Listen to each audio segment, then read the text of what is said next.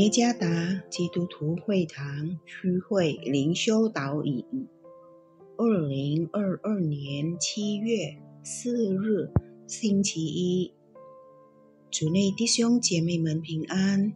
今天的灵修导引，我们要借着圣经《撒姆耳记上》第二章第一到第十节来思想今天的主题，因为基督。作者古发起牧师，《撒姆耳记上》第二章第一到第十节。哈拿祷告说：“我的心因耶和华快乐，我的脚因耶和华高举，我的口向仇敌张开，我因耶和华的救恩欢心。”只有耶和华为圣，除他以外没有可比的，也没有磐石像我们的神。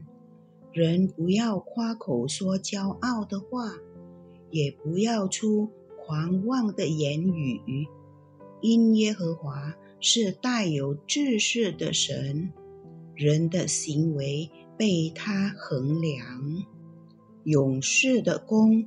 都已折断，跌倒的人以力量束腰，素来饱足的，反作用人求食；饥饿的，再不饥饿；不生育的，生了七个儿子；多有儿女的，反倒衰微。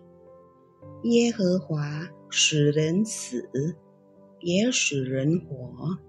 使人下阴间，也使人往上升；他使人贫穷，也使人富足；使人卑微，也使人高贵。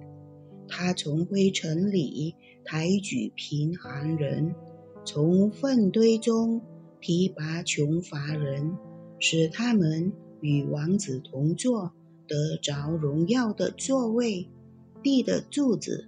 属于耶和华，他将世界立在其上，他必保护圣民的脚步，使恶人在黑暗中寂然不动。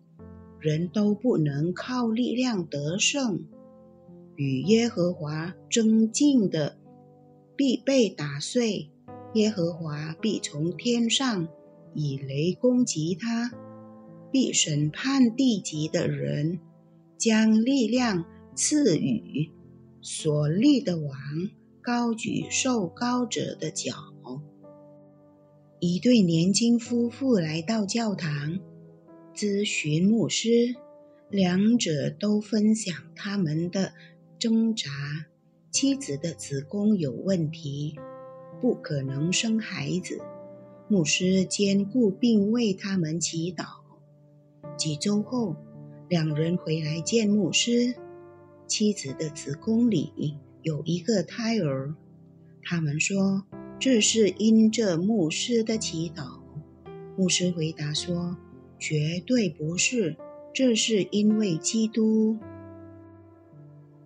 哈拿被一个名叫皮尼拿的伤害了。哈拿无法为以利加拿生孩子。尽管她的丈夫安慰哈娜，但她的心仍然很难过。每次去示罗，哈娜都怀着沉重的心情向上帝祈祷，同时抽搐流泪。祭司以利对他说：“以色列的上帝会允准你向他所求的。”参看。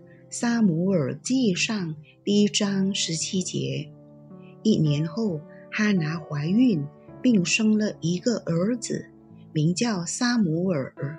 哈拿欢喜赞美神，他知道自己生的孩子不是因为以利的话，不是因为他伟大的祈祷，但一切都是因为上帝。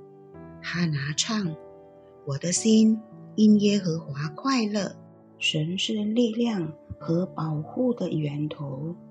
他有能力消灭敌人，他使人死，也使人活，他保护他所爱的人。当我们面对生活的困难和艰辛时，总会有美好的经历。也许我们感觉到门似乎被锁住了，仿佛我们撞到了墙，处于最黑暗、最阴暗的地方。我们感到被遗弃，但后来我们找到了出路。这是巧合吗？是因为我们的力量和伟大吗？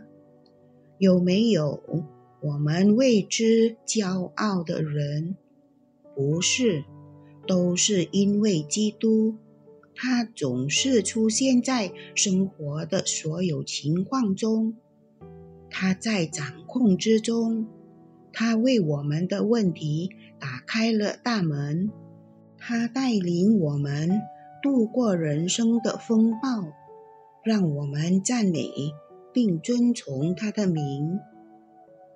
我们的帮助来自上帝，主耶稣赐福。